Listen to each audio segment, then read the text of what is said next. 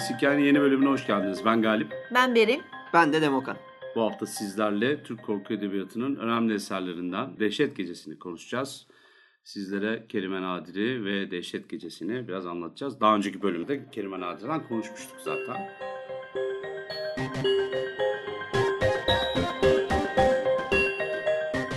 Türk korku edebiyatı çok tartışmalı bir yer, bir bölge. Birçok gri alana sahip. Bu ne demek? Çok tartışmalı, üzerinde henüz bir fikir birliğine varılmamış demek oluyor. Bunların arasında ne var? İlk Türk korku eseri ne? Biz zaten evvel eski hep korku türü yazmışız. İşte gene bir tartışma konusu. Ondan sonra dünyaya biz öğretmişiz aslında korku diyenler ayrı bir konutta. Ondan sonra Türkçe'de özellikle Tanzimat sonrasındaki Türk edebiyatı sayabileceksek modern zamanı. Oradan günümüze kadarki alanda Türk korku edebiyatı adına eserler verilmiş bir yazarlar kim, kitaplar ya da öyküler hangileri falan falan. İnanılmaz derecede kimin ne yaptığı belli olmayan toz duman bir alandan bahsediyoruz. Özellikle şu an yine iyi durumdayız. Bundan 5-10 yıl öncesine kadar kimse kimseyi bilmiyordu. Alan araştırmaları yapanlar, gerçekten sadece adını duyduğumuz kitapları bulup önümüze koyan araştırmacı arkadaşlarımız böyle bir ortaya bir çalışma yapıp koydular ve bu ne demek? Üzerine konuşuldukça aslında e, edebiyatın ne kadar köklü ya da ne kadar köksüz olduğunu, ne kadar taze ve genç olduğunu da görebildiğiniz e, zamanlar oluyor. Bunların içerisinde de Türk korku edebiyatı deyince birkaç tane eser var. Gerçekten ciddi alınabilecek. Korku olması hasebiyle öyle bir niyetle de yazılmış hı hı. E, eserler var. Bu bir korku eseri olacaktır diye düşünmüş müellif ya da yazarı. İşte bunlardan bir tanesi Ne Dracula İstanbul'da var. Gulyabani pek saymıyorum ama o dönemin karanlık komedilerinden bir tanesi. Yani hayalet hikayesi gibi. Ondan sonra Kenan Hulusi Koray'ın gene bazı öyküleri var. Bir tane de romanı var ama onda da çok şey değil. Gene karanlık unsurlar var. Dönüp dolaşıp geldiğimiz yerde de gene bir Dracula uyarlaması olan Dehşet Gecesi'ni görüyoruz. Dehşet Gecesi'nin de birden fazla üzerine söylemeyecek şey var. Hatta bir gerisi hikaye bölümünde hak ediyor. Biz gerisi hikaye ekibi olarak zaten bildiğimiz bir konu ama onun dışında da Dehşet Gecesi'ni son birkaç yıldır zaten çalışıyoruz. Etüt edip üzerinde düşünüyorduk. Gerisi hikayenin de belki birazcık katkısıyla beraber bu 1958 yılında yazılmış, 1980'de galiba en son basılmış olan, yeniden basılmış olan roman 2019 senesinde tekrar Türk Edebiyatı'na katılacak diyeyim ve geleceğe kalacak.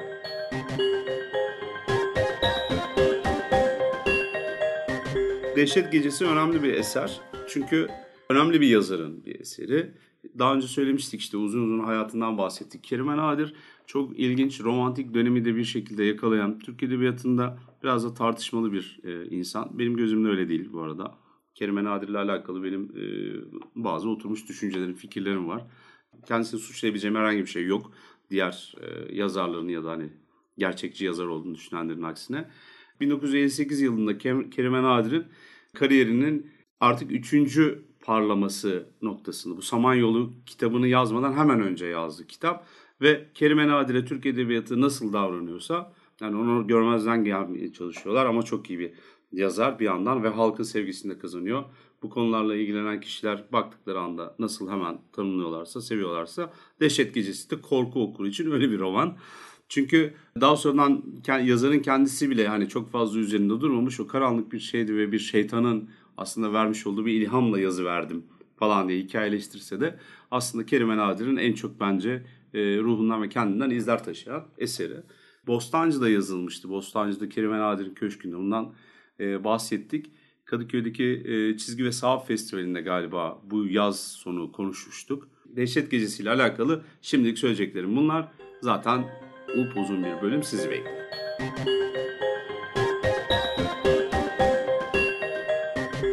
Demin girişte Galip'in söylediği bu korku edebiyatının karmaşası ve neyin barda başlayıp nerede bittiği, kaç tane eser yazıldığı, ilk kim, birinci kim, birinç, birinç e, durumları filan zaten bizim temel olarak bütün hayatımıza bulaşmış benim sorun olarak gördüğüm konulardan biri sadece sanatımızda değil her konuda bir birinci olma çabası ve bir ilk olma çabasının yanı sıra bir de gerçekçi sanat kisvesi altındaki normal e, yapının, sistemin oturmuş ağır abilerinin vesairesinin reddettiği bütün e, her şey, her şey gibi korku da e, reddedildiği için bir yandan da bu karmaşa var. Yani bu 1950'li yıllarda okullarda şiir e, öğretirken Edgar Allan Poe öğretiliyor ama bugün 50'li yıllarda bunları öğrenmiş birisine Edgar Allan Poe kimdir, ne necidir diye sorduğunuzda şair demekten öteye geçemiyor. Çünkü ona korku, polisiye gibi türlerin kurucusu olduğunu kimse anlatmamış.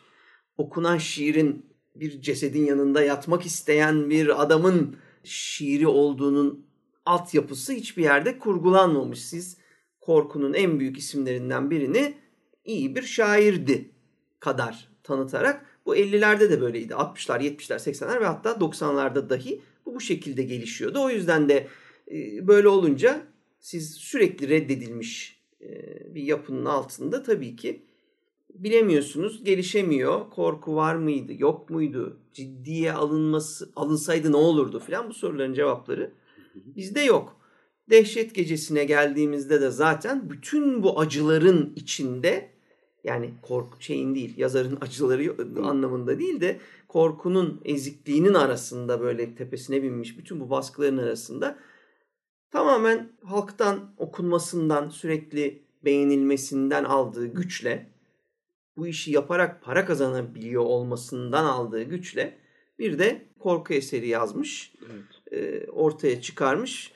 Ve bunu yaparken de tıpkı bizim ta ilk bölümde Typewriter'da konuştuğumuz gibi korkunun yani bulabileceği neredeyse bütün unsurları da bir romanın içinde toplamaya çabalamış ya da işte toplamış ve e, bir ürün çıkarmış da bir yazarımız e, Kerime Nadir.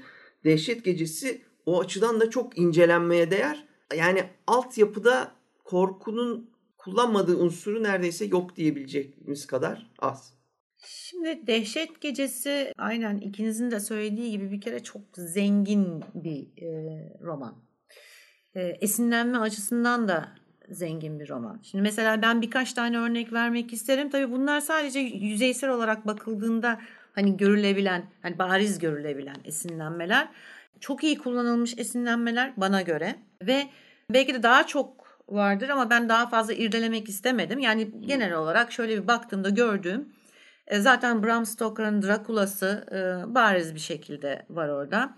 Baş kötümüzün baştan çıkarıcı bir kadın olması bir takım e, karakter özellikleriyle ilgili olarak Carmila'yı çağrıştırıyor. Kesinlikle Galtier'in Clarimonde adlı hikayesi orada hayal ve gerçeğin birbirine iç içe geçmesi yani hiçbir zaman o tam olarak anlayamamanız yani hikayede de anlayamıyorsunuz karakterin yaşadığı şeyin de tam olarak ne olduğunu anlayamıyorsunuz o belirsizlik e, e, dokusu e, olarak da e, çok belirgin. E zaten Binbir Gece masalları orada çok güzel işlenmiş nakış gibi her bir sayfasına. Lamia Lilith motifi sevgili Ruzi Hayal'in hmm. bedeninde can bulmuş. Hı Lilith hikayesi. Poe'nun Kızıl Ölümün maskesi e, var. Or, oradan alınan bir takım motifler var. Gene Uşar evinin çöküşünden e, bir takım enstantaneler var. Şahmaran hikayesi ve bir parça da Agatha Christie var. Hı hı. E, kesinlikle. Yani ilk bakışta e, baktığınız zaman romanın bütününde bunların parmak izlerini e, bulabiliyorsunuz. Hı hı. Fakat şöyle bir şey var. O kadar güzel işlenmiş ve yedirilmiş ki bana göre ne sizi rahatsız ediyor, ne size araklanmış hissi veriyor, ne kopyalanmış hissi veriyor. Böyle bir şey yok.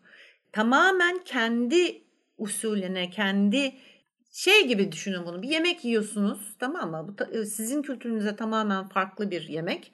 Ama siz onu kendi kültürünüze e, uygun hale yani o lezzete getiriyorsunuz.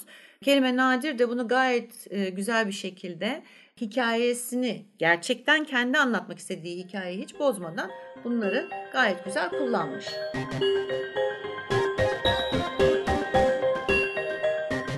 Şimdi konu güzel bir yere geldi aslında. İkinizin de söylemiş olduğu şeylere bağladığım bir nokta var. O da şu. Bütün bu anlatıcılıkta aslında bir görmezden gelinen korku türüyle, korku fantazya türüyle falan ya da bilim kurgu ileride de hani hakeza bir şey var, bir bağlantı var. Yani bizimkilerin yaptığını, yani üzerinde durduğunu düşünmüyorum. Çok ciddiye de almıyorlar. Ama bunu izlemekten, takip etmekten de geri kalmıyorlar mesela. Yani Universal e, Monsters serisi 1950'lere kadar gelen 20'den işte 1950'ye kadar ki 30 yıllık zaman içerisindeki bütün canavar filmlerinde farkındalar. Ve çok da seviyorlar. Sadece hani bizim burada yapılmasına birazcık tuhaf karşılanıyor. Evet böyle bir şey var. Yani yok saymıyorlar. Canavarı anlatırken de zaten gene onların Drakula'sını anlatmayı görüyorlar. Yani yeniden bir korku e, şeyi inşa etmek yerine bir bakış açısı. Bizim Anadolu korkuda kendimizi işte yırttığımız şey diyeyim artık. Denediğimiz, kurduladığımız şey. Bunu yapmak yerine e, var olan canavarları, var olan mitlerle karşılaştırıp özellikle sinemanın çok fazla güçlü olarak empoze ettiği şeylerle karşılaştırıp hazır izleyiciye, hazır okura dehlemek üzerine şey yapıyorlar. Bunu nereden görüyoruz? Tabii ki o Dracula İstanbul. Mesela böyle bir eser. E, Dehşet Gecesi'nde de bunun ufak ufak izleri var fakat Kerime Nadir çok iyi bir yazar.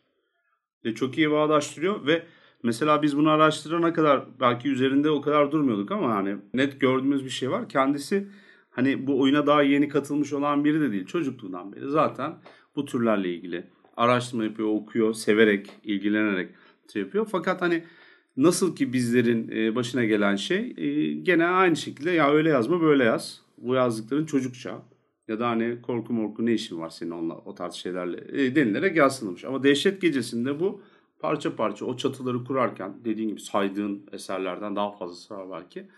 Tıkır tıkır her şey yerine oturuyor. Onun hakkında bir fikir var. Mesela diyor ki hani tamam Karpatlar'da geçmiyor. Ama biz diyor Cilo Dağları'na getiriyorsak diyor. O zaman benim diyor varlıklı şeylerim İrani, Azeri, alt tarafta Iraki olabilir diyor. Oturup bir daha yorumluyor. Yani sadece ismen değiştirmiyor. Ona göre elbiselerine kadar tasarlıyor yani. Bu kadar çok unsur kullanılınca bugünkü anlatıyla bir de şu yanlış anlaşılmasın diye bunu baştan ben de söylemek isterim. Yani yeni okuyucuyu, günümüz okuyucusu bunu okuduğu zaman bir kere neredeyse bütün unsurları bir milyon kere biliyor. Kullanılmış bambaşka yerlerde biliyorlar ve bununla bu yan yana gelir mi gibi sorgulamalara girebilirler. Bence haklı da olurlar çünkü e, aslında hikayenin en problemli yanı iki ayrı zaman diliminde gerçek hayatta iki ayrı zaman diliminde yazılmış olması. Yani bu 20. asır dergisinde 1953'te Haydutlar Hanı'ndaki kadın olarak e, tefrika edilen bir tane bir kısmı var. Bir bölüm var. Ondan sonra aradan işte 5 yıl geçip 1958'de Yeni Gazete'de Haydutlar Hanı'ndaki kadının devamı olarak Dehşet Gecesi e, oluşturuluyor. O parçaya ekleniyor. Yani elimizde bir Haydutlar Hanı var. O bence çok daha iyi olan bir hikaye. Benim bakış açıma göre çok Tam daha ortada bu arada. bize romanın evet romanın merkezi merkezi, o. yani. Ama bize ait görünen çok daha işte Binbir Gece'yle kol kola gezen vesaire bir kısımken diğeri daha işte Dracula ile Carmilla ile vesaireyle kol kola gezen bu bir sonraki aşama. Ve zaten ben o şeyi de hissediyorum. 1953'te geçiyor hikayemiz e, Dehşet Gecesi. Dracula İstanbul'da da 1953'te vizyona girmiş. Yani bu bu paralellikler işte bunları mükemmel tabii. Yani şey bir yazarın çok okunan gazetelerde tefrika ile yaşayan bir yazarın e, yani o dönemin bestseller yazarının bilmesi gereken ve uygulaması gereken bence metotları kullanmış. Ama e, olaya dediğim gibi bugünden baktığınızda birbirinden ayrı iki hikaye var. Çok büyük iki hikaye var. Göz ama bunu saklamaya da çalışmıyor.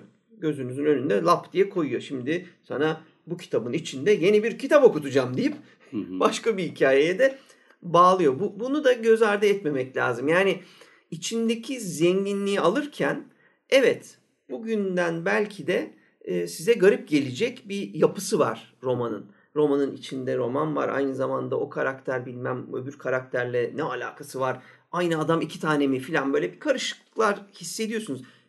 Ama bütün bunlara rağmen Kerime Nadir'de öyle bir dil var ki siz 200 sayfalık romanı Şaka yarım günde ha, şak diye gözünüzü kapan bütün bu paramparçalığa yani iki ayrı zamanda yazılmış olmasına filan rağmen Çatır çatır gidiyor. çat diye okuyorsunuz Evet. yarım günde roman bitiyor. Bunu da e, asla kimse kaçırmamalı.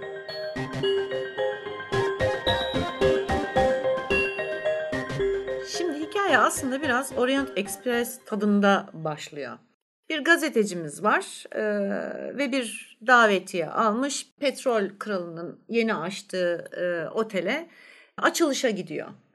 Yalnız otel e, Evet. Hakkari Cilo Dağı'nda 1953 yılındayız. Yani öyle İstanbul'da falan değil e, otel. Tabii günler sürecek bir yolculuk. Başka bir ülkeye gidiyorum dese mesela e, inanılır. Tabii şimdi daha başta hiç bilinmeyen bir yere doğru çıkılan yolculuk var. Uzun bir yolculuk, sıkıcı bir yolculuk. Ee, aynı zamanda hiçbir yerin ortasından geçen bir e, yolculuk. O zamanı düşünecek olursak bu zaman gibi değil yani. Ee, yani zırt pırt otobüs kalkmaz, uçak kalkmaz, e, kuş uçmaz, kervan geçmez. Eşkıyaların hüküm sürdüğü, aynı zamanda tehlikeli de e, bir bölge.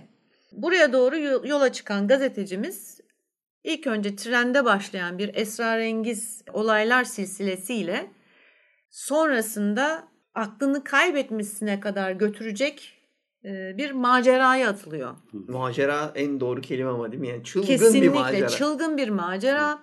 Çünkü sadece e, Demoka'nın söylediği gibi bu bir hikaye içinde hikaye. Hem ana hikaye hem de aslında ana hikayenin odaklandığı ikinci hikaye. Bunların ikisi de iki ayrı muazzam macera ve aynı zamanda eş zamanlı başka bir macera sunuyor okuyucuya. Bu maceranın geçtiği zaman dilimi ise işte bu tren yolculuğunun başlaması, bitmesi ve otel açılışı aslında. Yani bu kadar net. Fakat tabii böyle mi? Yani bu kadar basit mi? Hayır değil. Bir kere her anı aksiyon dolu. Yani gerçekten her anı aksiyon dolu. Dakika bir bir gizemle başlıyorsunuz. Gizemi tam çözdüm derken bir kitaba dalıyorsunuz. İşte kitaba daldığınız zaman başka birinin macerasını okuyorsunuz ama onun deliliği midir, macerası mıdır belli değil. Sonra gerçek dünyaya geri dönüyorsunuz ama dönerken gene bir eşkıyalar tarafından kaçırılıyorsunuz. Şimdi kaçırıldığınız gerçek mi değil mi o da belli değil gibi böyle bir takım e, gizem silsilesi var işin içinde. Ama e, hikayemiz dediğimiz gibi e, gazetecimizin bu yolculuğa başlamasıyla e, gizemli bir kompartıman a- arkadaşı, e, sonrasında gizemli bir kitap ve gizemli bir petrol kralı ve prensesle Hı hı. iç içe geçen bir e, hikaye örgüsü var. Olay gazetecimizin, acar gazeteci diyeceğim ama acar falan değil, tecrübeli ama çok heyecanlı bir gazeteci olan Altın Işık gazetesinin imtiyaz sahibi ve bizatihi sahibi, Sahibi. olan Mümtaz Evren'in bir tren yolculuğuyla Cilo Dağı'ndaki otele davet edilmesiyle başlıyor. Evet. Yolda giderken de yanına bu bahsi geçen kitabımız Kızıl Puhu Malikanesi üzerine geçen bir kitap. O kitabı yanına almasıyla e, başlıyor. Ama bu kitap kendisine gazetesine bırakılmış bir roman dosyası. Şimdi roman dosyasını niye gazeteciye bırakıyorsunuz dedin kafanız karışabilir. Yani ne bileyim peynircinin gelip kasaba mal bırakması gibi bir şeye dönüşüyor. Şimdi biz e, bunu Kerime Nadir bölümünde de konuşmuştuk. O dönemlerde gazeteleri sattıran şey haberler vesaireler değil, reklamlarda değil. Aslında insanların, okurların gidip parayla satın alması ve tirajı yaratan şey de bu romanlar, tefrika romanlar. Bu ne demek? Her gün roman sayfaları şeyde gazetede e, basılıyor. İşte sayfa başına şu kadar para alınıyor falan. Orada bir ekonomi var.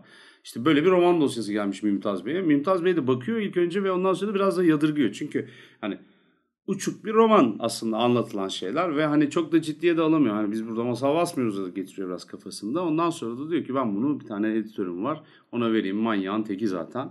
Da Münir Yalçın. Hiçbir şeyi de beğenmez. Kesinlikle evet. Yani öyle burnundan kıl aldırmayacak huysuz bir editör. Editöre veriyor nasıl olsa beğenmeyecek diye böyle bir sahikle. Fakat e, tabii beklenmedik bir şey oluyor ve burada da Münir Yalçın'ın kitabı çok sevmesi ve e, Kerime Nadir'in kendi sesiyle ama Münir Yalçın'ın ağzından Evet. fantastik roman nedir, korku nedir ve e, gerçekçi roman nedir? Bu şeyin e, üzerine yapılmış bir buçuk sayfalık bir tartışma. Yani monolog gibi ilerleyen ama böyle çatır çatır delilleriyle, ispatlarıyla beraber ortaya konulan bir şey var. Bir tartışma var. Evet şimdi orada biz eleştirmenden, editörden gelen olumlu etki üzerine iki haftalık e, o tren yolculuğu sırasında kitabı okumaya karar verdiği ana geliyoruz e, Mümtaz Evren'in. Kitabı okumaya başlıyor e, Mümtaz Evren. Okumaya başlamasının sebebi de demin Galip'in söylediği eleştirmenin yorumları. Biz kitabın içinde fantastik edebiyatın nasıl bir şey olduğuna dair, bunun nasıl okunması gerektiğine dair konuyu hiç bilmeyen okuyucuya ikna edecek, okumaya ne denir böyle iteleyecek altyapıyı oluşturacak açıklamalar duyuyoruz. Fantezi türüne e, çok iddialı ve genel bir tanım yapıyor. Yani aslında tanımının e, doğru olduğunu e, söylememiz biraz bizim için de iddialı olur ama o gün için Kerime Nadir fantezi edebiyatı hakkında ne düşünüyorsa Münir Bey de onu çata diye söylüyor. Zaten yani korkacak bir şey yok dediği gibi Galip'in üçüncü dönüşü artık böyle alışmış eleştirmenlerin onu yerden yere vurmasına halk okuyor. Sorun yok. Diyor ki fantazi böyle bir şeydir böyle okunacaktır. Hı hı. Dehşet Gecesi'nin içindeki Kızıl Puhu'yu nasıl okunacağını böylece e, haritasını e, Mümtaz Bey'den alıyoruz. Bariz bir şekilde okuyucuyu eğitiyor ve bunu nasıl yapıyor? Benim işte 800 kere demin de program dışında da söylediğim gibi Umberto Eco'nun söylediği ve Coleridge'in inançsızlığın askıya alınması adını verdiği o birkaç bölümde bir hatırlattığım okur ve yazar arasında yapılması gereken anlaşmayı Kerime Nadir harfi harfine uygulamış oluyor.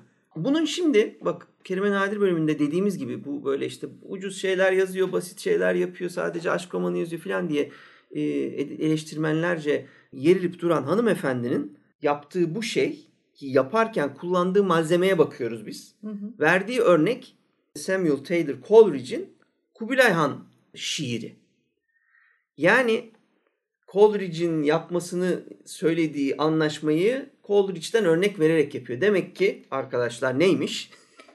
Böyle direkt e, aşk romanları yazan, hiçbir şey bilmeyen, yani böyle Yani Hak milletin, ettiği, ha, yani milletin ya- düşündüğü gibi ipi şey uydurup uydurup ipe dizmeye di- dizen bir e, yazar değil. arkada büyük bir kültür var. Bunu Evet, atlanmaması aynen gerekiyor ve o kültür sayesinde de biz Coleridge'in böyle kafası iyiyken e, rüyalarda görüp yazmaya başladığı ve sonra da kendine gelince ayılınca da devam edemediği için yarım kalan bir müthiş e, şiir var.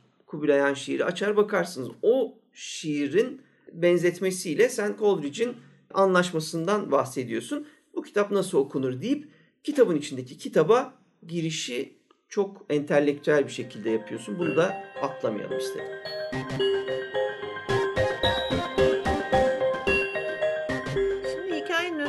Şöyle bir şey var. Aslında şöyle bir mesaj var.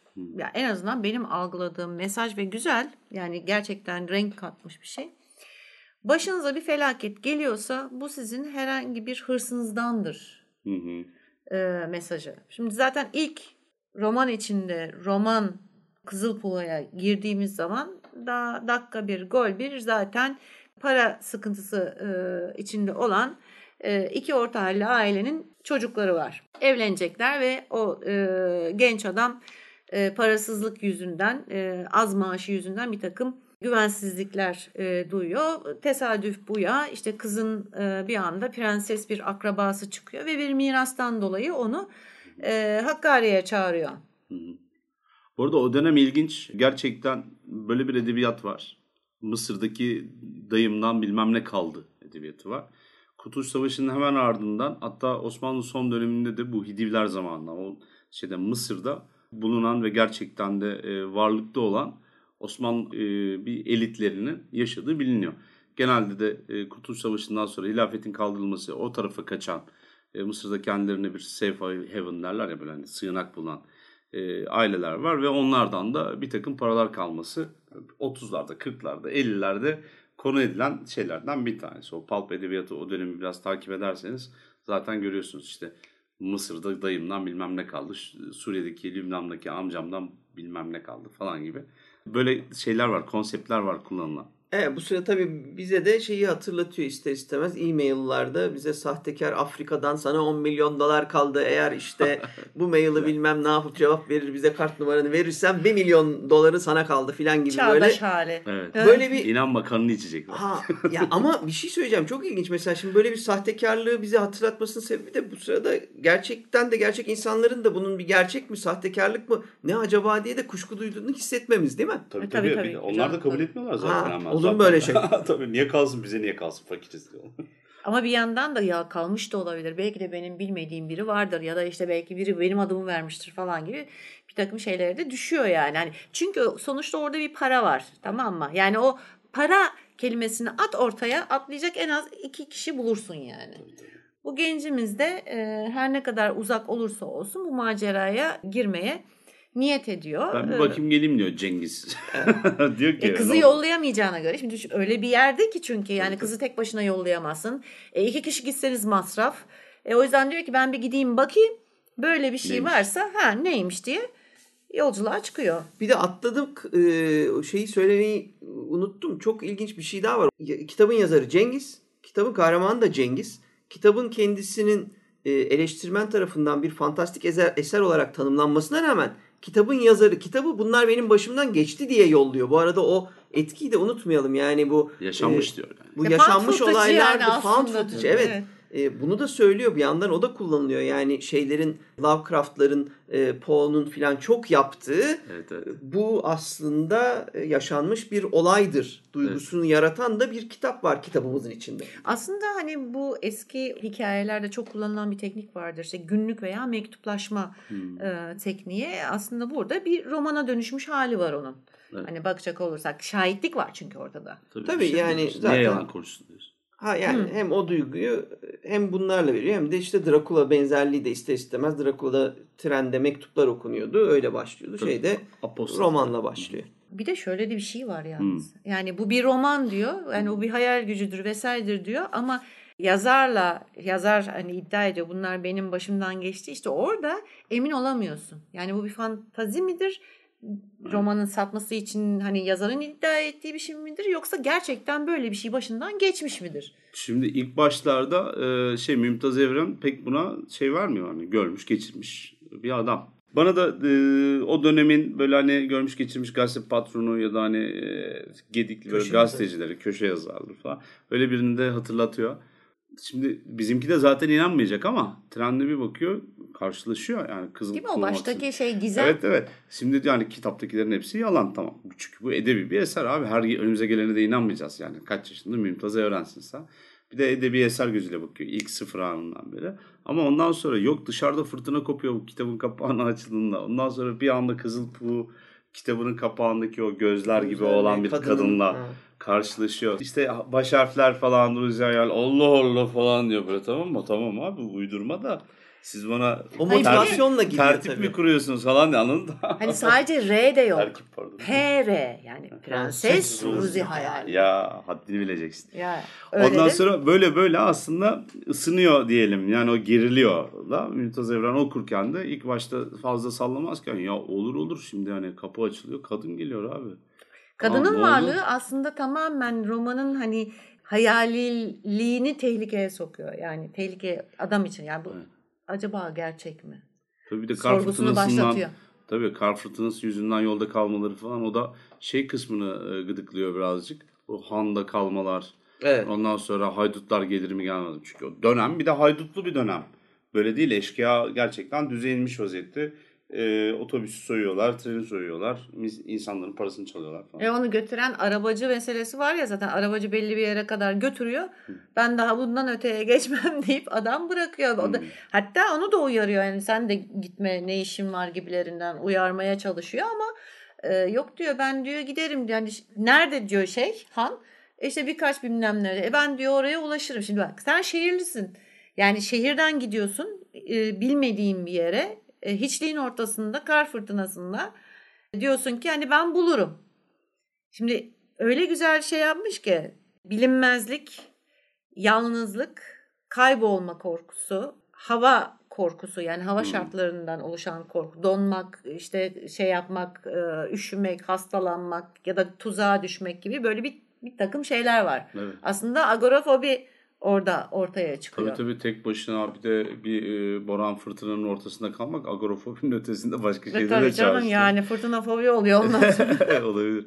Şimdi orada başka bir durum daha var. Şimdi e, bu bahsettiğimiz eser tabii ki özünde bir Drakula uyarlaması. Hatta yani kaçak bir bu Drakula uyarlaması demek oluyor. Ne telif almışsınız ne de özüne sa- sadık kalmışsınız. Söylemiyorsunuz da bu eser Drakula'dan yola çıkılmıştır diye söylemiyorsunuz. O zaman bu kaçak çakma tabir ettiğimiz şeye dönüşüyor. Yani Şimdi bu eserin içerisinde tabii ister istemez Dracula e, geni var. Ama Dracula geni deyince de Jonathan Harker'ın şöyle bir hadisesi var.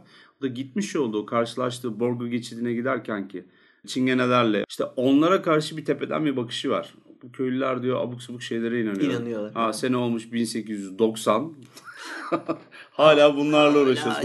Cinler, canavarlar. Evet. Ya bir de e, bütün Drakula uyarlamalarında hakim olan şey budur. Yani her şey değişir abi. Bu değişmez. Bizim buradaki Cengiz örneğinde olduğu gibi işte Werner Herzog'un 79'daki filmi çıkacağı zaman e, bir Nosferatu uyarlaması var. Kitabını da bana e, bir dinleyicimiz Ahu Hanım hediye etti gerisi hikaye kütüphanesi için ve ben de orada okudum. Giovanni'nin ön sözüyle şey yapılmış bir kitap.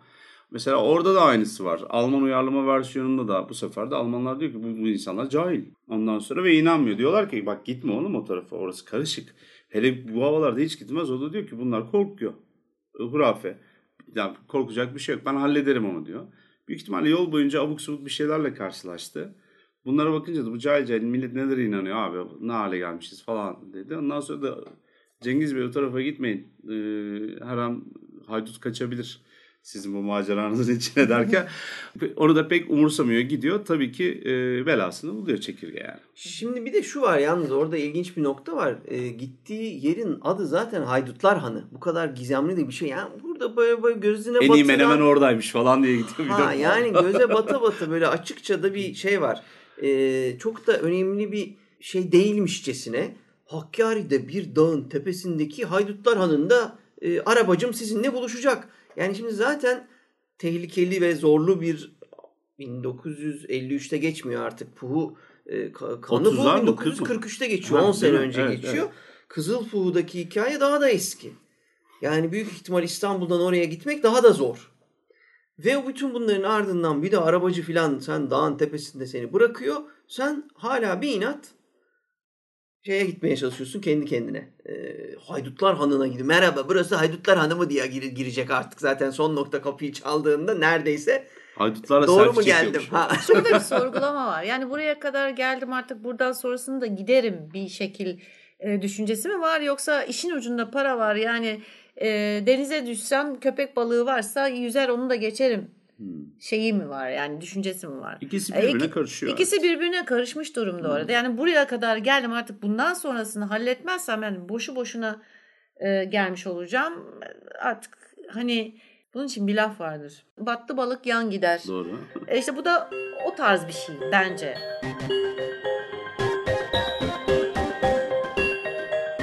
Şimdi Han'a gelmesi tabii birazcık daha böyle maceralı oldu. İkna olduk olmadık. Geldi. İçerisinde bir karışık zaten. Adamların ne yaptığı belli değil.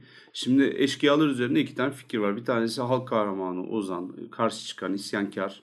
Ve e, bu da otoritenin getirmiş olduğu, yaratmış olduğu haksızlıklara karşı halkı savunan o Robin. Hood vari, İnce Mehmet gibi, Köroğlu gibi e, kahramanlar. Bunu birazcık daha bu romantik tarafı e, yani ikisi de romantik bu görüşlerin de tarafı Yaşar Kemal temsil ediyor. Eseriyle işte İnce Mehmet'le. Öbür tarafta da Kemal Tahir gibi bir abi de var. O da diyor ki hayır böyle bir şey yok. Bu herifler arsızdır ve hayduttur. Ve yapmış olduğu şeyler hani bozuk saatin doğruyu göstermesi kadar e, doğrucadır. Günde iki defa doğruyu gösteriyor. Evet. Gün döndüğü için yani başka bir sebebi yok. Bazen birilerinin işine yarıyor olabilir ama bunlar karanlık insanlardır ve e, toplum dışılardır diye anlatıyor. Bu iki tartışmanın olduğu yerde de biz haydutları hep görüyoruz. Haydutlar bir de o dönemde gündemde. Ben o dönemin kitaplarını, gazetelerini, karikatürlerini falan bayağı okumuş etmiştim bir dönem. Araştırmıştım. Ee, devamlı haydut haberleri geliyor. Yurttan haberler köşesinde bilmem nerede dağa çıkan haydutlar. Bundan sonra Dersim artığı demiyorlar mesela. Dersim e, harekatı zamanında kaçanlar ya da ülke dışından gelen haydutlar diyemiyorlar. Ve arada bir Kürt eşkıyası falan gibi tabirler falan da kullanıyorlar. Ama sonuç itibariyle bir dağlarda bir güvensizlik var. Zaten zor coğrafyalar. Yani oraya erişemediğiniz için çok anlatamıyorsunuz. Böyle bir yerin olduğu yerde hakikaten gidilemez gidilemez bir yerde. Evet. Haydutlar Hanı adında bir yer var. Kahramanımız Cengiz de hiç şey yapmadan, e, rahatsız olmadan sanki onun yaşadığı dünyada hiç Drakula kitabı yazılmamış, filmi çekilmemiş gibi tıpış tıpış gidiyor böyle fırtınanın içerisinde. Ya bana bir şey olmaz diye. Şu da var. Şimdi şehirli olmasının vermiş olduğu bir tam olarak inanmazlık da var. Yani bence hay- durumun ne kadar ciddi olduğunun farkında değil. Şehirde bu tür olaylara o kadar uzak ki. Yani e, onlar da insan canım konuşarak anlaşırız gibi bir tavrı var bence. Doğru doğru doğru düşünüyorsun. Yani ben açıkçası bu kitapta bu kadar derin karakter analizleri olduğunu düşünmüyorum. O yüzden de tamamen birebir Drakula'dan almış. Şimdi de biz bunu bir yere getireceğiz demiş. Direkt köşke götürmediği için de araya girmesi gereken Han hikayesi elinde zaten 5 yıl önce yazılmış olan Han hikayesini bu hayali romanın içine eklemiş diye düşünüyorum. Şunu ben ekleyeceğim mesela oraya. Dracula romanında Çiganiler yani bildiğiniz Çingeneler Zigani diye geçiyor hatta orada. Dracula'nın yardımcısı ve destekçisidir. Bizim buradakiler bayağı freelancer haydutlar. Kendilerine çalışıyorlar. 40 haramiler. Kesinlikle. Evet. Ve zaten o noktadan itibaren şimdi buraya kadar bence hiçbir derinliği olmayan karakterlerle uğraşıyoruz bana sorarsanız. Evet, evet. Fakat burada Haydutlar Hanı'nda iş değişiyor. Haydutlar Hanı'ndaki karakterlerin biz neredeyse hiçbirini asla tanıyacak kadar uzun ilişkimiz olmasa dahi ha- karakterler o kadar gerçekler ki ben bu karakterlerin mesela çok daha ya düşünüldüğünü ya da tanındığını bir şekilde bir yerlerden e, okunduğunu, araştırıldığını düşünüyorum. Yani oradaki tiplemeler diyaloglarıyla dahil olmak üzere daha önce de benim dediğim gibi yani bir erkek e, yazmışçasına ve haydut bir erkek Hakkari'de dağdaki bir haydutun biri yazmış gibi diyaloglar var elimizde. Bunlar da bence yazarlık anlamında çok kaliteli olduğunun altını çiziyor Kerime Nadir'in. E, bütün bu fantazyanın içinde yani romanın kendisi Dehşet Gecesi fantastik. Kızılpuğu fantastik. Ama bence Haydutlar Hanı ve Haydutlar mükemmel oranda gerçekler. Evet. Onların o gerçeklikleri az sonra başlarına gelecek olan çılgınca fantazyayı da daha altını tekrar tekrar çizerek bir böyle öne çıkarıyor diye düşünüyorum ben. Orada müthiş bir vahşete, dehşete, Kemal Tahir'in anlattığı tipteki kötülükten başka orada karnını duyur, doyurmak için yani akla gelebilecek en Ölüyü büyük bile diriltmeye Ha, çalışacak. akla gelebilecek en büyük pislikleri, acımasızlıkları hem başkalarına hem birbirlerine yapabilecek. Tabii. Her an güç dengesinin değişebileceği o yüzden sanki bir hayvan krallığı gibi böyle güçlü olduğunu sürekli baştakinin işte Kürtalon'un sürekli hissettirmesi gereken dengenin her an kırılıp dökülebileceği kadar da hassas bir han anlatılıyor. Ben romanın en sevdiğim kısmının da orası olduğunu söylemem gerek. Onun merkeze gelmesinin bir sebebi de o ama başka şey şunu unutmayalım. Şimdi orada az kişi var. Bu hani ters ninja kurulundan bahsetmiştim ya ben geçtiğimiz sezonlarda. Ortamda bir enerji var abi. Herkesin etkileşime geçebileceği toplam bir enerji var. Eğer 20 kişi varsa bir de kahraman 21'e bölünüyor bu. Kişiler azaldıkça işler daha da zorlaşıyor. Daha fazla etkileşime giriyorsunuz. Ters ninja kuralında da ortamda ne kadar e, düşman varsa o kadar çabuk ölür bu düşmanlar diyor. Düşman sayısı azaldıkça adamın yediği dayak sayısı artıyor. Ortadan çekilmek için. Castlevania'da mı anlatmıştım Evet. ya ters ninja kuralını. Evet, evet. Ee, burada da aynı benzer durum var aslında edebi manada da. Düşününce hani daha uzun süre ayırmış buna. Zaten daha eski. Sırf bunun için çalışılmış. Bir tefrika şeyden bahsediyoruz. Bir novele kadar var zaten Evet. orası. Ee, o nedenle buraya özene özene gelmiş. Bir de şey de var tabii. Ee, nefret edeceğiz falan derken hani bi- bizi duygusal olarak hazırlıyor yani şey kurmuyoruz adamları biliyoruz ama herhangi bir empati sempati yok haydut bu Yok tabii diye. tabii. haydutluğunu hissettirebilmek için ekstra ekstra yani biraz macununu fazla koymuş kötülüğün Tabii. gibi görüyorsun. O var doğru söylüyorsun ama bu mesela şey Şeytanın yani yattığı yeri bilir herifler. Öyle pislikler yani. pislikler ama yani ve inanıyorsun şey değil böyle hani abartılı pislik gelmiyor sana oraya o yakışmış o kadar yani Evet. çünkü anlattı ya cehennemin dibinde bir han adı da haydutlar hanı zaten artık herhalde en kötüler bunun içinde. Evet. Ne yapalım burada yazıyor artık. Ha yani ve de Belediye tabela koymuş. Burası haydut vardı. Gelmeyin. akıllarına nedir? Hani birine yapılacak akıllarına gelen ilk şey ne? Hani ya biz bunu şöyle güzel ateşin üstüne bir bacağından asalım filan diyen adamlar direkt adamı pişirelim yani yakarak ölsün. İşte bu adamı da bulduk ölecek ama hadi biz buna bir mektup yazdıralım. Bize fidye mektubu olsun. Ölmeden önce yazsın filan. Yani Her türlü şeylik var. iğrençliklerin üstünde bir yerdeler. Ha ama şey de güzel. Türkiye'de olduğumuzu ya da işte e, o e, hurafeler devrinin içinde olduğumuzu da hemen hissediyoruz. Boynundaki enam-ı şeriften Hmm. bunlar hemen bir korkuyorlar. Dışarıdan şaikalar melikesi geldiği zaman yani hem afallıyorlar bir yandan ama diğer yandan da bütün o hinlikleri ile tecavüzü şimdi mi edeceğiz e, yoksa sabah mı bırakacağız ama bu bizi öldürür mü Cengiz korkusunu orada da hissediyoruz. Livato'dan da ucuz yırtıyor yani. Ama şey de var tabii bir punduna getirseler Rusya'ya da çok ciddi Tabii. soyacaklar. O kızıl kuğuyu falan başına geçiriverecek.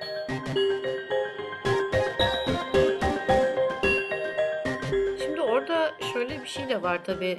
Haydutlar ilk önce Cengiz'i bir zayıf görüyorlar. Hani bu ah, şehirli düştü elimize falan diye ama bu arada o muskaya rağmen bunun uğursuz olduğuna veya işte şeytanın ta kendisi olduğuna, işte bir anlamda onları kandıracağına veya zarar vereceğine dair bir takım paranoyaları da var. Hmm. Yani işin içine şey giriyor. Hani gerçek düşmanı, gerçek düşmanı görmüyorsunuz çünkü siz zaten hani düşman olmayan bir şeyi mimlemişsiniz.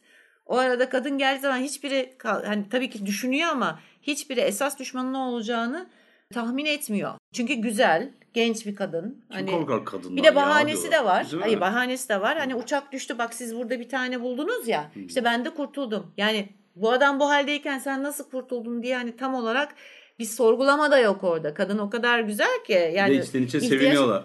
Aa, E tabii canım yani Canlı kadın böyle düştü. sağlıklı hayır. Havadan kadın düştü işte Yoksa yani. öbür türlü daha hiçbir şey fark etmeyecek büyük ihtimalle ama kendi Evet, ayaklarıyla Yani esas tehlikeyi aslında görmüyorlar Hmm. orada. Ben şeyin de görmediğini düşünüyorum tabii. Cengiz de görmüyor doğal olarak. O da çok fazla sorgu. O, o, o kadar şey vaziyette ki yani diken üstünde şimdi bir tehdit eden koca bir grup var. Hani kadın bir anlamda can simidi gibi. Ama hani kadını koruma meselesi var bir de biliyorsun. İşte beni korur musun vesaire falan filan hikayesi var. Yani öyle koruyacak bir tip de değil. Hani bir kahraman kumaşı yok çünkü. Yok ama zaten o ortamda kahraman kumaşını ortadan yırtar o herifler yani. Hani o net işte yani o ha, istediği yani. kumaş olsun seninki. O orada 20 tane o haydutla Evet evet. Onun Ee, şakası yok öyle. Ha, orada öyle bir şey dönmez ama biz burada bir sürü korku unsuru görüyoruz hemen. Ee, zaten şeyin bir kere fantastik yani Cengiz'in dağın başındaki hana gelişinden bunların huylanmamaları mümkün değil. Kardeşim sen nereden çıktın? Sen burada nasıl olabilirsin eğer uçaktan düşmediysen? Uçaktan düşen kadın gelince bu sefer sen nasıl yaralanmadan bu- buraya geldin? O da bir başka.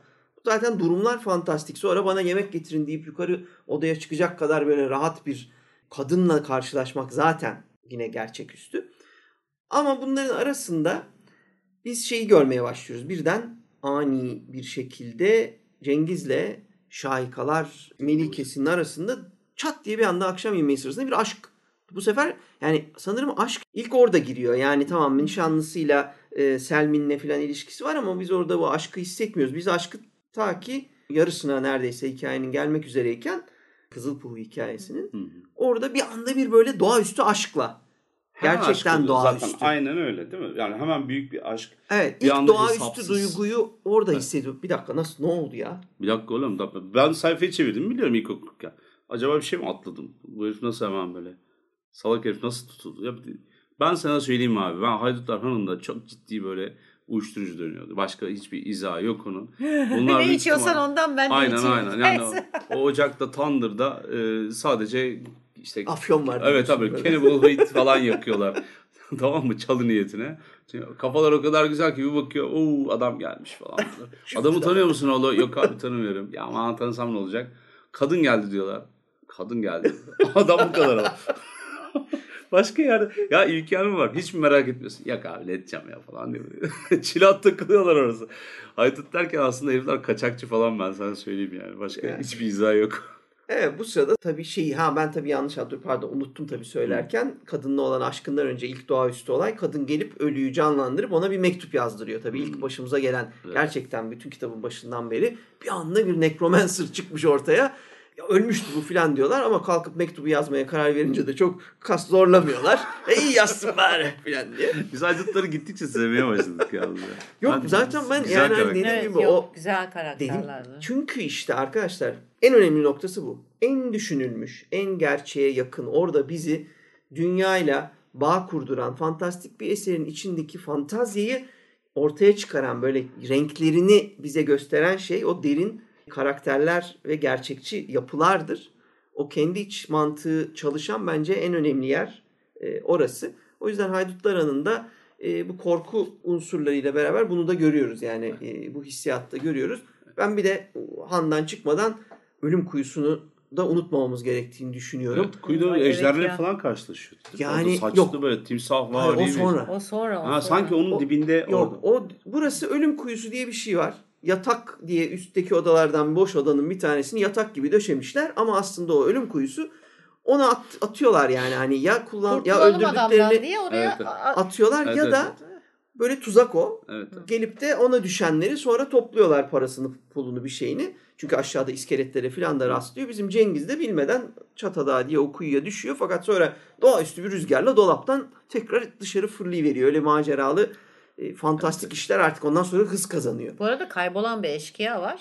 O da orada. O da orada. Ya ölmüş vaziyette. Tabii yani o Adı anılan değil mi? Böyle üstünden bilmem ne çıkıyor falan.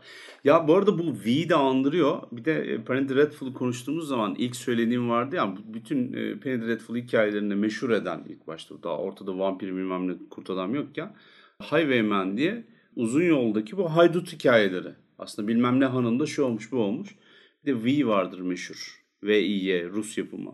O da eski bir hikayeye dayanıyor. O da bir 67 versiyonu var. Bir 90 Zamyedin 2000 mi? yok yok o, bir, Yok, o değil. biz başka. O- ha. Ee, öyle bir Hayır, han değil. hikayesi var. O da, o da benzerlik gösteriyor. Şimdi kitabın adını hatırlayamadım. Aynı o kafada ve Haydutlar Hanı e, ilginçliği birazcık da hani böyle benzerlikte kuruyor.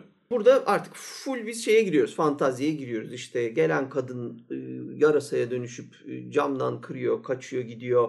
Birileri ölüyor, ölüler canlanıyor. Bu handa bunlardan. Ondan sonra neyse ki bütün bu kargaşanın içinden Enam-ı Şerifi sayesinde Cengiz kurtulup arabacı gelip bunu götürüyor. Götürünce haydutlar peşine takılıyor ama araba doğaüstü bir şekilde hareket ediyor filan.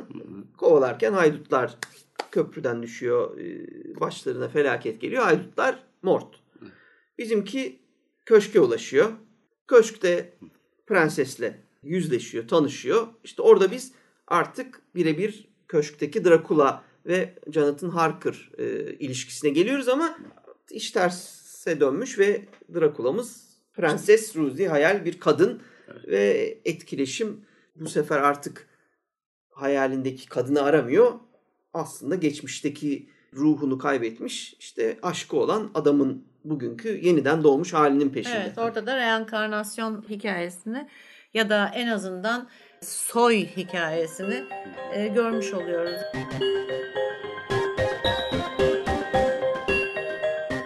Sonuçta konuşan bir portre var bir de. Evet hayalet var değil mi? Yani bir hayalet var ortada. Evet, Ee, o zaman şey diye yani orada ben ikilemde kaldım. Yani bu eski aşkının reenkarnasyonu mudur? Yoksa hani soyundan gelip aynı element yani şey elementini işte ruh elementini taşıyan başka bir e, şey midir? Meyve midir? Ee, orada bir şey var. Yani belirsizlik var. Onu sana tam açıklamıyor aslında. Ruzia'nın da gerek de yok. karışık. Evet o da, Onun- o da bilemiyor. Evet, evet. Çünkü o bir, bir parça belki de şey de olabilir. Yani tamam o onun soyundan ama ve benziyor da yani birebir benziyor. Evet. Ama bu tamamen tesadüf de olabilir. Hı hı. Benzemesi ama soy da olabilir. İşte biz burada yine kitabın o alıntı kısımlarında geldiğimiz zaman yani Haydutlar Anı'ndan çıkınca ben yine e, hızla geçilen e, ve çok derinleşmemiş o alıntı karakterleri e, görmeye başladığımızı düşünüyorum. Ama birden Drakula'da olmayan vampirleri öldürme meseleleri ortaya çıkmaya başlıyor ve e, hayaletin yol gösterişi, o girilen gizli odacık, oradan aynalardan görünen görüntüler filan Evet. Orada çok orijinal bir yere bağlanıyor. Orası da e, bir konuşulmaya hak ediyor sanki. Şey e, orada bir e, noktaya değinmek istiyorum. Bu bir şatodaki veya bir evdeki girilemeyen yerler veya girilemeyen odalar yani kapalılar. Bu birazcık tabii şey e, Mavi Sakal hikayesinin bir izdüşümü. Bence güzel de yapılmış. Aynı zamanda ayna yerine büyülü cam kullanılması da yani gerçek yüzü gösteren ayna veya büyülü cam hikayesi de çok güzeldi orada. Yani canavarın gerçek yüzünü ancak bu şekilde görürsün. Yani perdeyi kaldıran bir e, aracı olması gerekir. Evet. E, orada da böyle bir camın diğer tarafı gibi bir unsur kullanılmış ki bence gayet güzeldi. Şimdi bu çok eski zaten vampirde defaen e, anlattık böyle e, konuştuk. Su, sudan geçememe aynı zamanda su aynası ve e, aynaya dönüşüm var orada. Tabi sadece antik Yunan ya da Çin değil İngiliz ve Hint etkisi de var. Ortada toplam bir şeyden bahsediyoruz. Bir mevhumdan bahsediyoruz. Ayna insan ruhunun derinliklerini gösterir. Çünkü hani e, ayna yalan söylemez. Ondan sonra ayna doğru gösterir bilmem ne falan. Hatta ayna söyle bana metaforu da zaten birazcık o. Yani orada bir metaforik bir durum var Hı hı. büyüden öte. Eğer irdelerseniz. Şimdi burada başka bir durum daha var ama mesela eskinin e, aynayı bu kadar e, sıkıntılı görmesi ve hani büyülü atfet, büyü atfetmesinin birkaç sebebi var. Birincisi ayna teknolojisi, cam teknolojisi bizim şu an kullandığımız kadar rafine değil. Yani bunun üzerinde sırlar oluyor, arka tarafına yapıştırılan kağıtlar yanlış oluyor. İşte e, Yamuk oluyor. izler oluyor, yamuk oluyor. Yani düzlüğünü yakalayamıyorsun. Tuhaf şekiller gösteriyor, şaşı bak şaşır oluyor falan. Yani orada aslında bir sürü üzerine atfedilmiş şey var. Ee, bir yapı var. Aynaya baktığın zaman dalgalanmalar vesaireler seni düşündürebilir. Bunun yanında ama bir yandan da bu çok Shakespearean bir tutum. Ee, aynada bir şeyle karşılaşıyorsun ya da aynada bir alete karşılaşmak durumu var. İşte e, bunun üzerine de hani bir harekete geçiyorsun. Şimdi Dehşet Gecesi'nin vampiri tam bir vampir değil. Bizim daha önce konuştuğumuz birkaç yerde de hani bahsettiğimiz tipte bir tek başına bir vampir değil. O yüzden de Bram Stoker vampiri gibi olmadığından işte hani kazık çakayım, kalbini çıkartıp haşlayayım, şunu yapayım, bunu yapayımdan öte daha binbir gece vari bir şekilde. Masalsı evet. Masalsı bir Masalsı, şekilde evet. çözüyorlar. Çünkü hani buraya bu yakışıyor. Bu gidiyor. Tabii adı Cam da hortlak zaten. Hortlaklar. Ve hortlaklar tek değil. Abi bak bu çok Tabii. önemli bir şey. Hortlak tane. komünitesi var orada. Toplum var yani. Bilmem nerede çocuğu baştan çıkartmış. Bir yerde hakimlik yapan başka bir tane hortlak Tabii tabii var. yani böyle bir Anne Rice e, nereden almış kıvamında hatırlatıp Evet. düşünebilirsin. Bir yani. yandan da kötülerin e, buluştuğu bir şeyden bahsediyoruz. Bir e, yapıdan, bir topluluktan bahsediyoruz. İnsanlar büyük kötüler ise öldükleri zaman hortlarlar kafası var. Çok antik bir yaklaşım.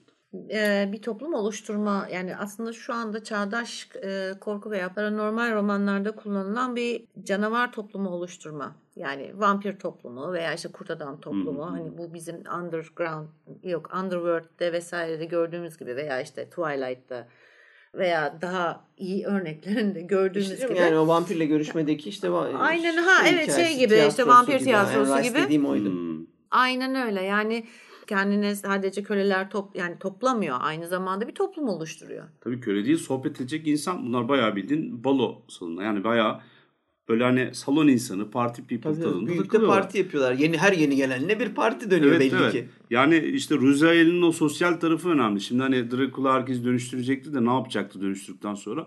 O hep bir soru halindeydi. Yani işte zombiye çevirecek bilmem ne dünyayı ele geçirecek. E geçir de abi hani çok sıkıcı olmayacak mı? Yani Dracula. Niye Doğru. böyle bir şey yapıyorsun? Ruzael diyor ki yok kankalarımla takılıyor partiliyoruz. Orada şeyi de işliyor işte o noktada canavara dönüşme korkusu, dönüşüm korkusu e, aslında Hmm. direkt olarak ortaya gelen. Şimdi sen tamam okey en fazla ölürsün okey. Şimdi şöyle bir şey var korkunun böyle bir şey var. Yüz yüze geldiğin zaman e, hani bir deli cesareti derler ya. Kimine öyle deli ceza- cesareti gelir. Çünkü orada o andaki düşünce yani ya zaten öleceğim ya da yani bu işin ucunda ya yaşamak ya ölmek var deyip öyle bir cesaretle hani o şeylerde de öyledir zaten. Hem edebiyatta hem filmde ya Hmm. artık o noktaya geldiğin zaman saldırırsın. Çünkü köşeye sıkışmıştır. Başka çaresi yoktur. Evet. Ama burada sadece ölmekle bitmiyor. Burada bir dönüşme e, olasılığı var. Yani bir canavar olma olasılığı var. İşte o korku alemin bebeğini kaçırıp yiyorlar anlattığını. Evet, yani evet. sen ne yaptın bu gece ben bir bebek kaçırdım ama bilmiyorum yesem mi yarın Yarına mı mı saklasam? Yarın mı yesem falan. Yani öyle bir şey de var. Mesela şey de çok güzel burada. Yediğin şeylerin veya e, içtiğin şeylerin kirletilmiş olması. içinde senin bilmediğin, seni dönüştürecek olan şeylerin olması. Bunlar da güzel şeyler. Evet evet işte sonrasında benim o e, konuşmada dediğim gibi yani birebir Lost Boys'da e, işte çıyanlar vesaire şarabın kana dönüşmesi, Çin yemeğinin kurtlara dönüşmesi gibi burada da çıyan çıkıyor, kan çıkıyor, şarabın hadi neyse temizleyelim yanlış gelmiş filan deyip verdikleri şampanyadan en son şahmeran çıkıyor Evet, yani. Yedi başlı başlı ejderha, ejderha ve şahmeran ne çıkıyor. yaptın? Onu ben gözümde canlandırdığım zaman bayağı bir böyle kala kaldım yani. Sonra da haydutlar geliyordu bu arada. Tabii. E, olmadık Evet. yerde haydut. Lan bunlar nereden çıktı gene diyorsun. Kırk harabeler geri geldi. Yalnız e, o Şahmeran'ı şimdi şu anda şeyle bağladım ben. Ta bizim typewriter'ı konuştuğumuzdaki küçük iskelette bağladım. Yani kadehten eğer öyle bu kadarcık böyle diye bir Şahmeran çıkarsa basarım direkt üstüne haberi olsun. Araya tepinirsin üzerinde yani daha ya da şey süpürgeyle Ay, kim- kovalıyormuşsun. Kimseye de söylemem yani parti sahibini utandırmamak için. Tabii tabii burada Aynen, bir yanlış. Ben, Ha, bunu Şöyle ezip böyle direkt iteleyip dolabın altına diyorsun. Evet, Hoş evet. değil ama. Üzülmesin sonra. Ay içinden şahmeranlı bardak mı gelmiş size. Ha bir kere üzüldü zaten. Demin Evet, de düzeltti olsun. evet, en son evet. artık diye. Neyse sonuçta bizim yine burada bir Müslüman lıktan yine kurtarıyoruz. Haydutlar Hanı'nda e, onu kurtardığı gibi yeniden Enam-ı Şerif sayesinde törensel bir şekilde kurtulmazsa ona kimsenin zarar veremeyeceği ortaya çıkıyor ve Cengiz Enam-ı Şerif'ini yok etmeyerek, onu reddederek işte yedi kat yakıp da bilmem ne yapma töreninden. Okumaya, okumaya başlıyor değil miydi ya? Okumaya, okumaya başlıyor diye hatırlıyorum ben. Enam-ı Şerif'i okumaya yani Ha, içine bir de o içinde- Ha, ha, evet, neymiş bu açık, deyip- ha, evet. Ha, ama yok etmekten vazgeçiyor. Ondan sonra bunlar işte yatıyorlar zaten. Kaçıyorlar, yatıyorlar. Sonra da e, o masallardaki gibi işte üzerlerinde asılı hançerlerle onları e, topraklarına mıhlayıp üzerlerine bir de e, şeyleri ayna mi, ayna mı? göz Göz- yüzlerine üstlerine üç a, tutam e, ayna tozu vesaire neyse onları döküp vampirlerden kurtulup şeye gidiyor. E, mutluluk mutluluğa ulaşıyor diyelim yani hani hatırladığım kadarıyla geri dönüyor ve bitiyor Ama diye. arada Oradaki- orada dev bir kartal tarafından bulunma. Dur, dur, Yo, onlar dur, onlar onlar işte Mümtaz'da mıydı o? onlar Mümtaz'ın. Mümtaz'da Tamam, tamam. onlar. Bunların hepsi aynı gecede Bunların geçiyormuş hepsi gibi kitabın akışta gidiyor evet. işte.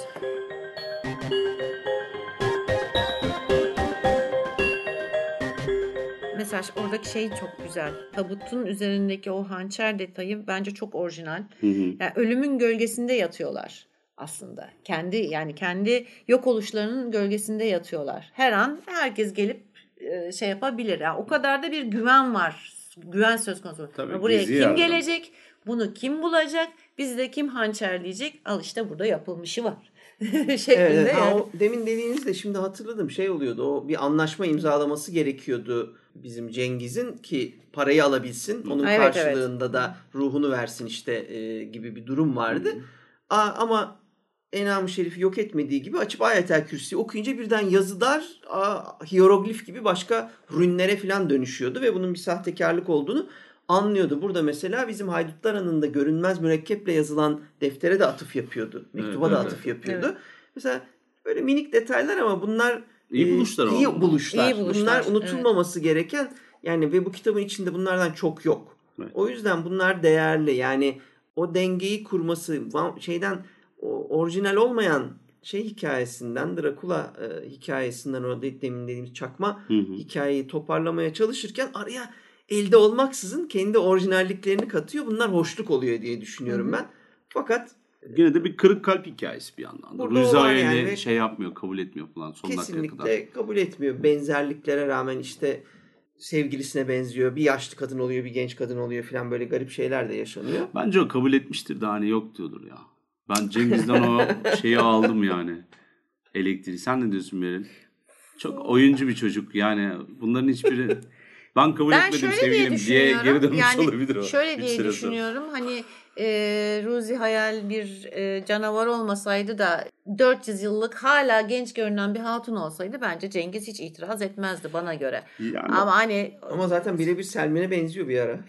Yani ama işte yani o tarafını gördükten sonra yani bu yaşlı ya da hani şey tarafını hani soğuyor olabilir. Evet evet o. Heves ama bir de kaçmış. şey etkisi altında Kaçmış. da olabilir. Cengiz'in kaçmış. Ben öyle biri değilim. Pislik o. şey de olabilir tabii. Etki altında yani o hani kendini aşık zannettiği hani Selmin'dense onunla birlikte olabileceğini hissettiği yani kesin olarak öyle bir nokta da yok aslında. Ama Bir Ruz- oyalama taktiği bence tamamen. Ama Ruzi Hayal çok net diyor. Yani canını kanını falan değil bayağı aşkını gençliğini sömüreceğim diyor. Yani tam olarak da o duyduğunda o zaten yani ve e, uzun da bir şey var galiba onun. Ne bir, bir paragraflık falan bir tiradı mı var öyle bir şey diyor. Kimler diyor hani e, benim aşkımdan perişan oldular diye de söylüyor. Yani. Zaten orada sonuçta 40 tane de şey var. e, Bendesi diyelim. var. ha. var yani. Hani neyse sonuçta orayı ben bir cadı tarlası olarak e, tanımlamak istiyorum. O cadı tarlasını temizliyor. Ondan sonra da gidiyor. Giderken de en son cümlesi Cengiz'in bütün başıma gelenler hale kanaat etmeyip milyonlar peşinde düşmenin cezasıydı. İnsan büyük hayallere kapılmamalı diyerek de romanını bitiriyor. Evet. Ve biz bunun üzerine oh artık bitti roman.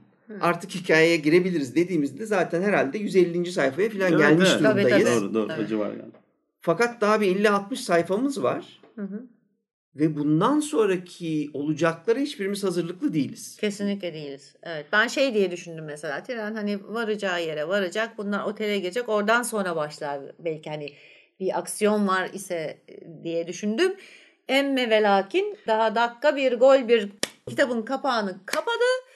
Kapar kapamaz bir eşkıya saldırısına uğradılar. Adamı eşkıyalar. bizim gazeteciyi apar topar eli kolu bağlı paket yaptılar kaçırdılar.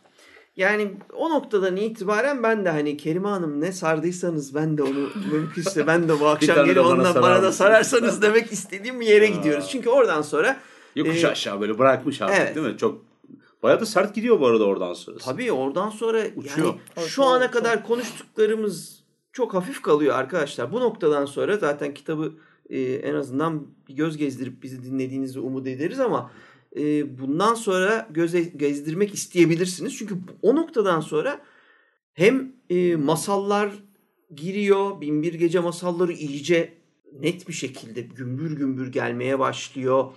Fantastik bir roman okuyan ama kesinlikle fantastik olmayan gerçekçi bir dünyadaki gazete sahibinin Hı hı. bir otele giderken yani trenden indiğinde başına neler gelebiliri bu sefer tıpkı Cengiz benzetmeleriyle yeniden bir e, haydutlar hanı Evet. derken işte yeniden bir kuyuya düşmeler, e, cesetli bir tabutla nehir yer altındaki Tabii. yeraltı nehirlerinde yüzmeler, Tabii, tabii. o arada bir çengi var işin içinde. onu kurtaran. Onu Evet. kurtaran bir çengi var. Bir de bu adam bunların hepsini biliyor. Yani okudu ya biraz önce. Az önce de okuduğu şey, evet, abi, çok olamaz benzer. diyor. Ne oldu böyle bir şey Evet, olamaz evet. dediği yere hep karşılaşıyor. Ya bir kuşla dağın tepesine Derken- bırakılmalar. Ha, Evet. Derken ama oradan da yani Karakollar falan var bu arada. Da- evet. Olay çıkıyor. biliyorum dediği anda iş iyice karışıyor. Demeye çalıştığımız o. Şimdi Cengiz'in başına gelenler galiba benim de başıma geliyor diye düşünebilir belki ama o noktada birden timsah benzeri devasa işte uzun saçlı bir canavara tırmanıyor. O canavar İşte abi. acayip orijinal yalnız. Evet Tabii, evet. çok- Yani onu çizdirmek lazım. Ben bir Ay, ara bir şey yapmıştım. O ejderha lazım, gibi bir şeydi gerçekten. ama. Yani tim- bayağı yer altı. Saçlı timsah yani. Saçlı timsah ama tahminen 200 metre uzunluğunda falan yani. Tabii, tabii, tabii. Üstüne Gerçekten. tırmanıyor Tırmanıyor, çünkü. sırtına Dev tırmanıyor böyle gözünün üstünden kuyudan kaçıyor. Kaçtığı yerde dev bir kartallar. Niye kartallar götürmedi? Götürüyor işte. Kartalların götürdüğü kartallar kitabı otele okuyorsun. götürüyor. Yani jandarmaya götürüyor ama kartallar jandarmaya götürdü falan gibi bir şey oluyor. Sonunda da biz bu sırada çok güçlü bir yani Hakkari'de hak sahibi o otelin Aynen. sahibi Iraklı petrol kralının Hüdayi jandarmayı filan da cebinde tuttuğunu öğreniyoruz. Bu arada onu da Evet. kaçırmamak lazım. Tabii. Şeyler bırakmıyorlar. El Hüdayi'nin El El Hüdayi. Hüdayi kusura bakma petrol kralı Iraklı petrol kralı seni istetiyor deyince eve gitmek isteyen Mümtaz Bey otele gitmek zorunda Paşa kalıyor. paşa. Evet. Ve ondan sonra zaten yani e, ondan sonra biz yer altında orgilere gidiyoruz yani.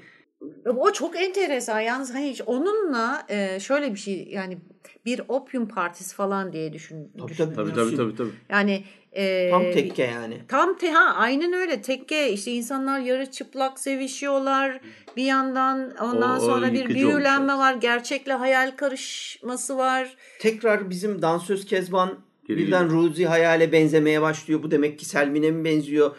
Bir yandan öbür kitabın içindeki.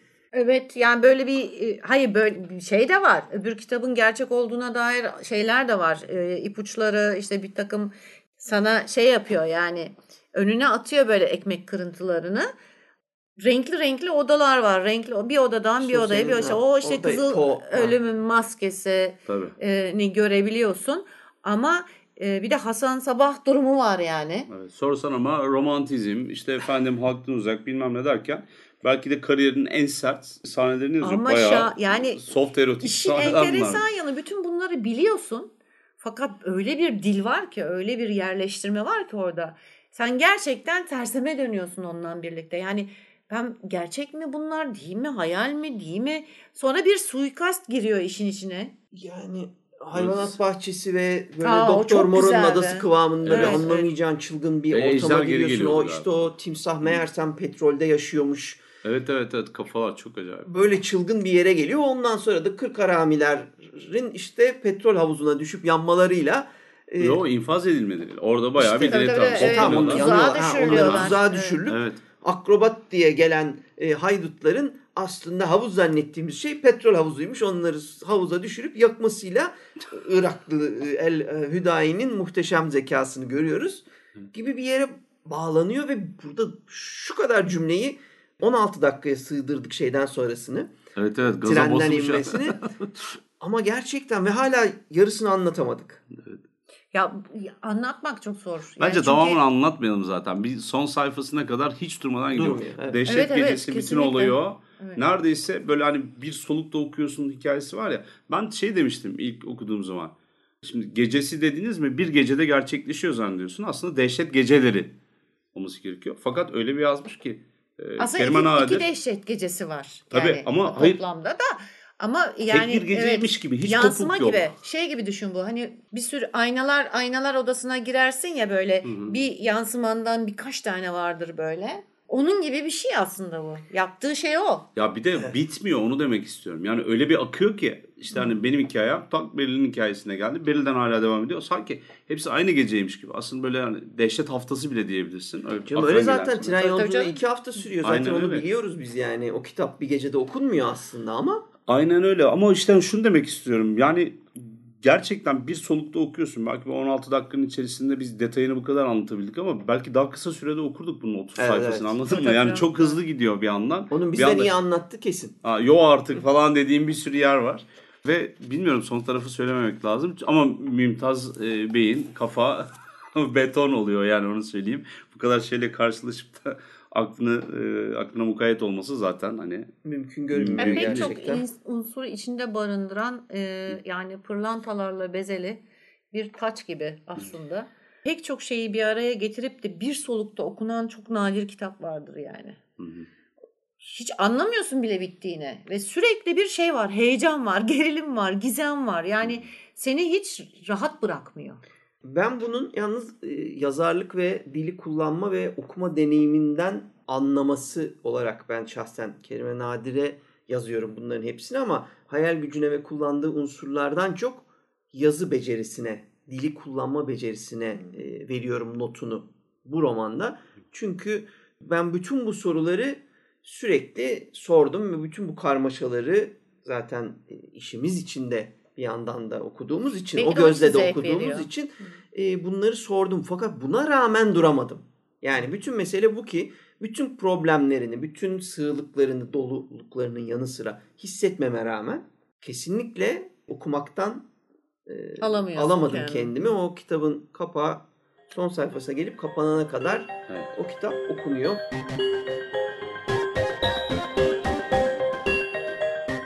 Şimdi e, şey tarafı da var. Şimdi Kerime Nadir'in kendi yaşantısıyla alakalı bahsettiğimiz, konuştuğumuz bölümde öne çıkardığımız başka şeyleri vardı. Güçlü kadın karakter dedik. Aslında güçlü de değil. Güç deyince iktidarı tamamen sahiplenmiş bir kadın karakter gibi algılanıyor. O değil ama yani kartondan olmayan bir kadın karakter görmek mesela çok mümkün değildi. Özellikle böyle melodramlar yazan, aşk hikayeleri yazan bir e, kadının e, kaleminden. Ama bir yandan da dönüp baktığınızda şeyi görüyorsunuz. Yani toplam bir eserlere baktığınız zaman çok ciddi bir acı görüyorsunuz mesela. Kapkaranlık bir set görüyorsunuz. E, aşkı anlatıyorsa aşkın karanlık tarafını anlatıyor aslında kendisi. Ve e, bir kadın anlatıyorsa da hani sistemin arasında ezilmiş bile olsa bir şekilde söyleyeceği bir şey olan bir kadın anlatıyor. Rüzi Hayal de mesela çok güçlü bir kadın karakter.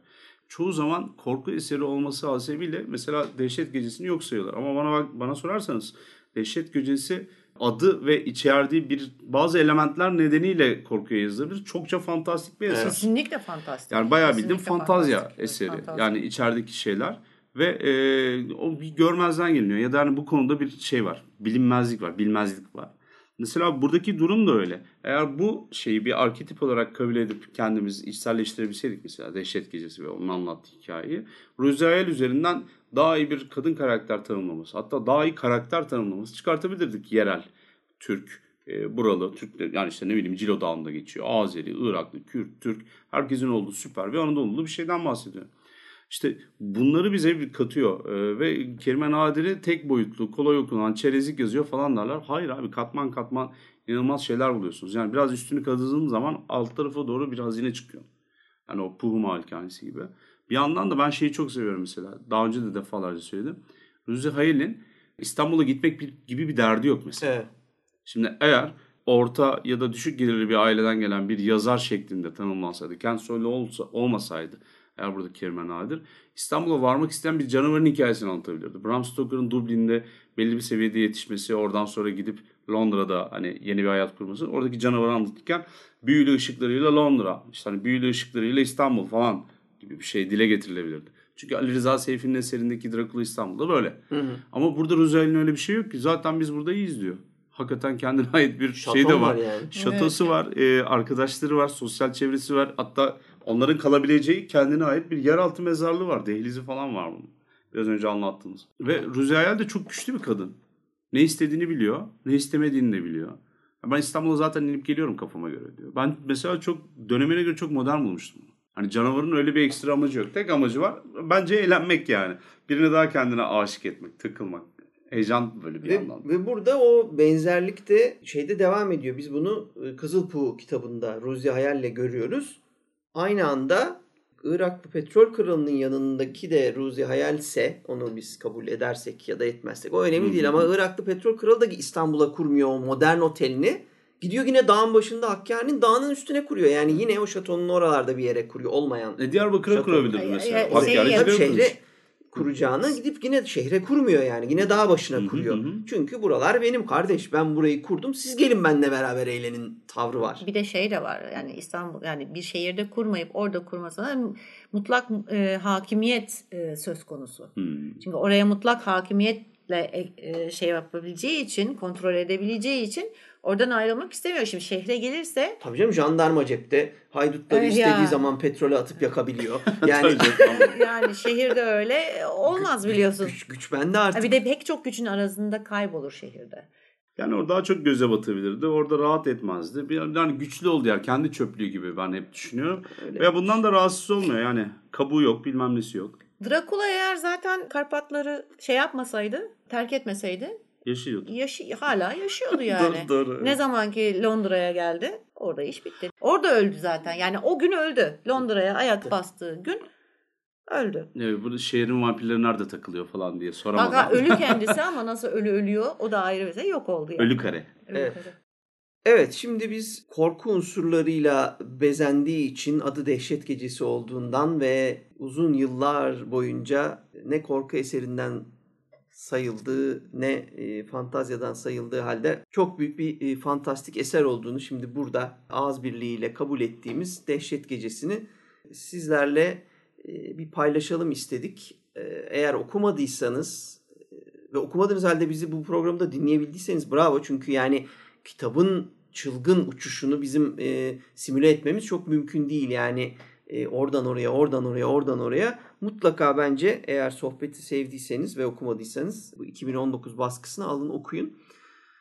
Dehşet Gecesi özellikle yazıldığı dönemde yapayalnız kalmış. Ondan sonra da 50 yıl o yalnızlığını sürdürdükten sonra yeni yeni hatırlanmaya başlayan e, mutlaka görülmesi, okunması, üzerine düşünülmesi gereken e, bir eser olarak e, edebiyatımızda hak ettiği yere gelmeli. Onu da e, belirtelim bence. Bizi dinlediğiniz için teşekkür ederiz. Görüşmek üzere. Görüşmek üzere. Görüşürüz.